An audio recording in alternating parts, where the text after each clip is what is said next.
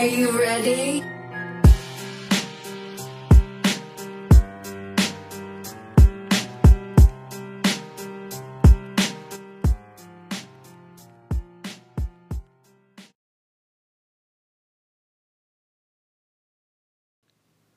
Halo, selamat malam. Balik lagi di podcast ngomongin setan.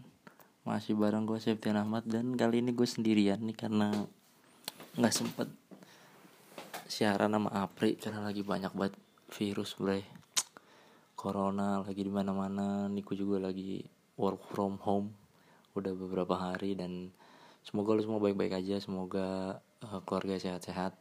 Kalau ada gejala-gejala yang udah mulai lu rasain mendingan langsung di periksa atau di telepon aja call center coronanya udah ada banyak banget di internet lu cari aja kalau yang masih sehat jaga kesehatan jangan keluar keluar rumah dulu di rumah aja nikmatin waktu lu sama keluarga dan ya semoga semua baik-baik aja lah ya. Dan semoga uh, segera berlalu. Ngeri banget bre. Virus lagi di wah kacau deh pokoknya. Jadi malam ini gue mau bahas tentang pemakaman mewah. Ini gue dapet dari okezone.com ada 8 pemakaman mewah di Indonesia bisa single atau double jangan tanya harganya. Buh judulnya ya udah kayak gitu ya bre. Jadi kalau di Amerika tuh ada namanya Santa Barbara. Itu paling murah 30 juta. Anjir 30 juta. Ini sebulan apa sehari nih? Sebulan kali ya. Sebulan 30 juta bray.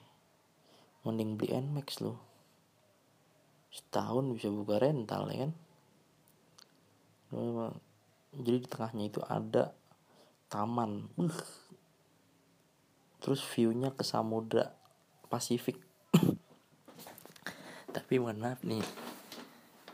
Itu kan yang ini udah mati. Kenapa lu nyari view? Nggak mau bikin apartemen aja bos. Aneh bener loh letaknya di bukit ya mending buat orang hidup. Lu bikin villa aneh banget aneh bener. Nah di Indonesia juga ada. Nih yang pertama nih San Diego Hills Memorial Park Karawang Jabar. Komplek pemakaman ini berada di Karawang Jawa Barat dikutip dari laman resminya. Pemakaman ini merupakan salah satu unit usaha dari properti Lipo Karawaci. Luasnya sekitar 30, 350 hektar. Anjrit gede banget sebanyak 250 hektar di antaranya sudah berdiri pemakaman dan fasilitas lainnya seperti pusat rekreasi food mart forest chapel dan sarana olahraga. Ya danau seluas 8 hektar nih mohon maaf lagi nih sebelumnya nih San Diego. Ada food mart ada sarana olahraga pemakaman ya. Masuk akal banget sih. Masuk akal banget sih. Ya masuk akal ya. Olahraga orang udah pada mati. Ada food mart. Ya kali sempet sempetnya makan dulu. Lagi berkabung kayaknya kagak dah. Aneh bener lu aneh bener nih San Diego. Terus yang kedua ada Taman Memorial Graha Sentosa. Anjing. Ini adanya di bawah Arta Graha melalui usahanya yakni PT Permata Bumi Kencana dan masuk ke dalam bagian internasional Cemetery Cremation and Funeral Association. Anjir kini salah satu area kuburan bertaraf internasional. Uh anjir ma pasti mahal nih. Harganya nih nggak nggak dikasih tahu nih. Heaven Memorial Park taman pemakaman berada di daerah Bogor. Bagi kalangan Tionghoa dikutip. Oh ini khusus buat Tionghoa kemudian sejak 2002 oleh Yayasan Naga Sakti luas lahan 120 hektar dan terdiri dari dua paket single dan double maksudnya gimana nih single satu mayat double dua mayat gitu maksudnya gitu kali ya Gak tahu deh. Yang keempat ada Al Azhar Memorial Garden. Komplek pemakaman bernaung di Yayasan Al Azhar ini berlokasi 5 km 52 tol Jakarta Cikampek. Tepatnya di kawasan industri Karawang, hampir berdekatan dengan San Diego. Oh. sebagai pemakaman khusus muslim satu-satunya Indonesia memiliki lahan tanah seluas 25 hektar. Dari 30 ribu unit pemakaman rest area taman masjid untuk pemulsaran atau pengusuran jenazah. Oh pengurusan jenazah. Itu masih normal lah ya.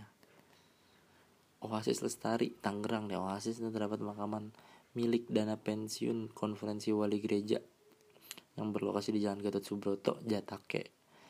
Tarif kremasi yang ditawarkan adalah peti kecil ukuran 80 sampai 100 cm sebesar 4 juta, peti dewasa tebal 2 sampai 3 cm senilai 5,25 juta. Peti dewasa 6 juta. Dan termahal peti dewasa 8 cm harga 8 juta. Oh, ini tarif-tarif bakar nih. Kalau kan bakar boleh nih. Ya kan? Mau ada yang 4 juta. Oh maksudnya kecil gede itu jadi ukuran usianya kali ya. Kalau bayi gitu mungkin 4 juta gitu kali ya. Oh ya, ya bener. Dibakar tuh bray. Jadi abu abu lu masukin ke toples ntar jadinya ya kan. Tuker sama abu gosok. Nah tuh Mirwana Memorial Park Pasuruan Jawa Timur. Uh ada juga nih. Kompleks pemakaman berlokasi di Kabupaten Pasuruan dengan luas 60 hektar. Diresmikan Juli 2011 menurut informasi didirikan Budi Sampurna toko perusahaan PT HM Sampurna. Oh. Nomor 7, Taman Makam Kuiling, Bogor. Pemakamannya dikhususkan untuk kalangan Tionghoa yang berlokasi di Jonggol, Bogor. Pemakamannya dibangun oleh Suwito Mulyadi yang mendirikan Yayasan Naga Sakti lah ini Naga Sakti lagi nih. Harga tanah makanan antara dua setengah juta hingga ratusan juta. Anjay. Ratusan juta lu mending ngambil KPR lu rumah. Mon Karamel Semarang. Merupakan tanah modern pertama terbesar di Jawa Tengah. Mon Karamel luas 100 hektar anjir. Dikembangkan oleh PT Pagoda Karya Abadi selain Semarang. Kompleks pemakaman. Mewah ini juga Kawengen, Ungaran Timur yakni Heaven Hill Memorial Park dengan luas 10 hektar. Hmm, tuh jadi tadi fenomena ini bukan fenomena sih, ini sih masuknya kayak apa ya? Tren kali ya, tren-tren pemakaman mewah. Jadi orang tuh nggak cuman pas hidup, hmm, apa namanya gengsi gitu ya, mementingkan gengsi, tapi juga uh, dia juga lebih mementingkan pas matinya gitu. Pas mati juga masih mikirin gengsinya. Kocak lu pada ini gue gak, gak ngerti deh. Lu bayar ratusan juta buat saat orang udah mati gitu. Better lu pemakaman normal-normal aja kali karena juga setahu gue nih setahu gue di Jawa Tabek deh khususnya. Mau ya di Jakarta khususnya itu tanah untuk pemakaman itu susah banget sih. Jadi kalau misalkan ada satu kuburan yang nggak ditengokin sama keluarganya nggak bayar iuran itu kemungkinan besar dipindahin di kuburan masal gitu untuk diisi sama penghuni baru. Anjir lu bayangin itu. Kayak kontrakan sekarang bro. Ya kan? Jadi emang udah paling bener orang-orang nyaman dulu beli apa e, pemakaman tuh nyari sendiri. Jadi dia tuh matokin tanah sendiri dipagerin sendiri. Zaman dulu gitu kan. Akhirnya buat pemakaman keluarga dan segala macam. Tapi sekarang udah kayak gitu. E, karena gue sendirian nih jadi sorry ya kalau misalkan kurang seru apa gimana. Tapi gue tetap harus konsisten memenuhi konten-konten agar tidak agar tidak bolos kontennya. Semoga cepet surut lah ya virus-virus ini nggak seru banget nih. Ada virus-virus kayak gini nggak asik nih corona nih. Korban masih ber, makin lama makin berjatuhan pokoknya jaga diri kalian masing-masing lah jaga keluarga jaga semuanya. Gue mau baca email nih. Jadi email pertama dari Mega. Eh enggak satu doang sih emailnya. Dari Mega MM pocong rebahan. Halo Mas Septian, Mas Apri, Mas Dika, dan mas-mas yang lain. Setelah berulang kali dengerin PNS, akhirnya gue mau cerita. gue mega ini kejadian gue waktu kelas 2 SD dan gak bisa dilupain. Ini kejadian tuh jam 6 pagi mau berangkat sekolah berdua sama temen gue. Gerimis kita papasan sama ibu-ibu. Dia bilang lewat kuburan aja deh lewat bawah tanahnya licin. For your information. Jadi masa itu jalan mau ke sekolah tuh lewat jalan setapak terus sampingnya tuh kali entah kenapa kita berdua nurut lewat kuburan terus kita berdua berhenti di tengah-tengah kuburan buat bersihin sepatu yang debel. Cile debel.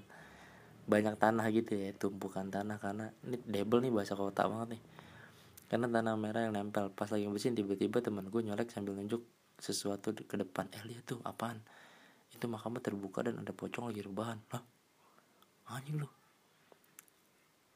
Dengan jelas kita berdua ngelihat mukanya tuh pocong gosong banget Sontak kita berdua kabur pas keluar dari pintu kuburan kita teriakin orang yang tinggal di situ.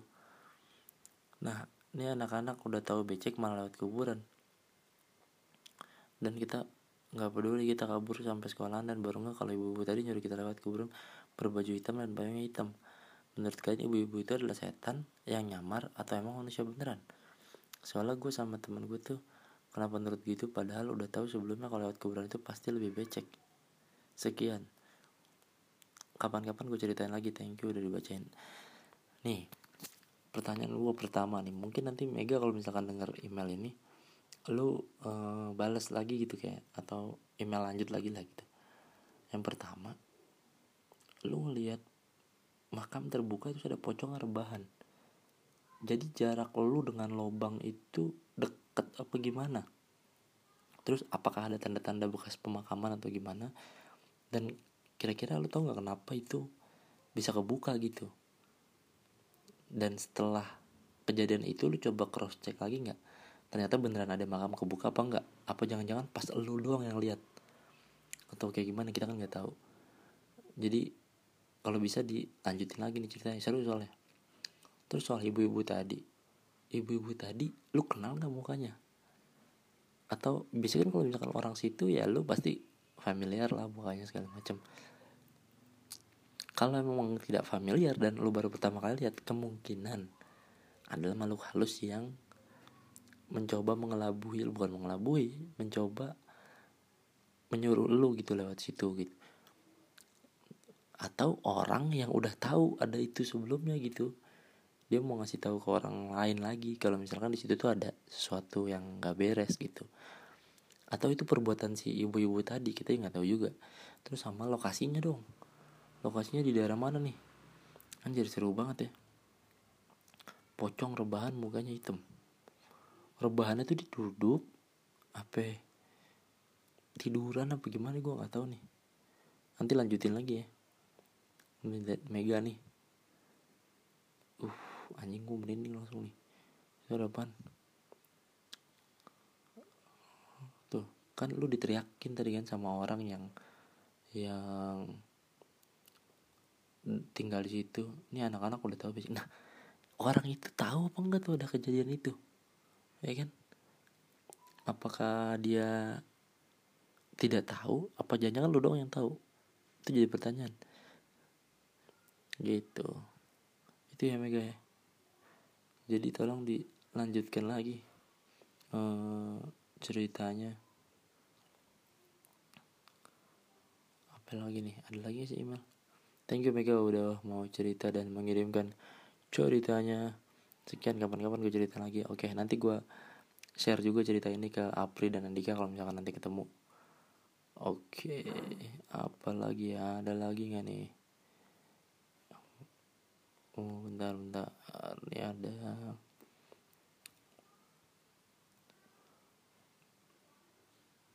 Ini lagi nih dari Ilham Saputra. Halo bang. Gue mau sharing sekaligus nanya. Jadi gue itu emang suka tidur lewat tengah malam. Pas dengerin podcast horor judulnya ya. Judulnya pas dari Ilham Saputra. Gue podcast tema horor salah satu PNS ada di situ satu malam abis dengerin podcast kamar mandi. Pas udah dalam di dalam tiba-tiba pintu kamar mandinya kebuka. Dan gak bisa ditutup lagi. Di pintu kayak ada yang ganjal gitu nggak bisa ditutup. Akhirnya gue lanjutin aktivitas di kamar mandi dengan pintu kebuka dan buru-buru balik kamar. Kira-kira ada hubungannya nggak bang? Kalau kita lagi dengerin cerita horor mereka terpanggil buat mendekat. NB posisi kamar mandi itu di belakang rumah. Keluar dulu dari rumah baru ketemu pintu kamar mandi ke belakang di belakang rumah ada kebun pisang. Nggak terlalu besar tepatnya kebun pisang itu pas di sebelah dinding kamar mandi. Oh uh, uh, uh. Itu yang ganjel pala kali pala. Serem banget bro kalau misalkan pala. Terus pertanyaan lu ke kalau ada hubungan gak kalau kita lagi dengerin cerita horor mereka terpanggil buat mendekat? Betul ada sekali ilham.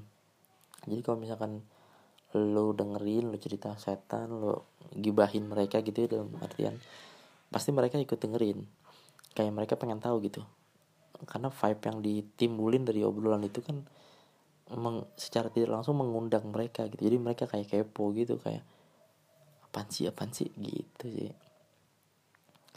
Gitu deh. Jadi kalau buat yang dengerin podcast PNS gitu ya makanya kenapa gue selalu mencoba berkomedi atau melucukan semuanya gitu karena karena biar itu tadi biar nggak terlalu horor gitu. Gitu Ilham. Thank you udah ngirimin email. Thank you Ilham dan Mega ditunggu lagi email-email lanjutannya. Kalau mau ada mau email langsung aja ke kotak surat.pns at gmail.com sampai ketemu di episode minggu depan. Sorry kalau misalkan kurang-kurang atau gimana. Nunggu cuma memenuhi konsistensi. Terima kasih jangan lupa di follow at Septian Ahmad dan at sampai jumpa di episode berikutnya. Dadah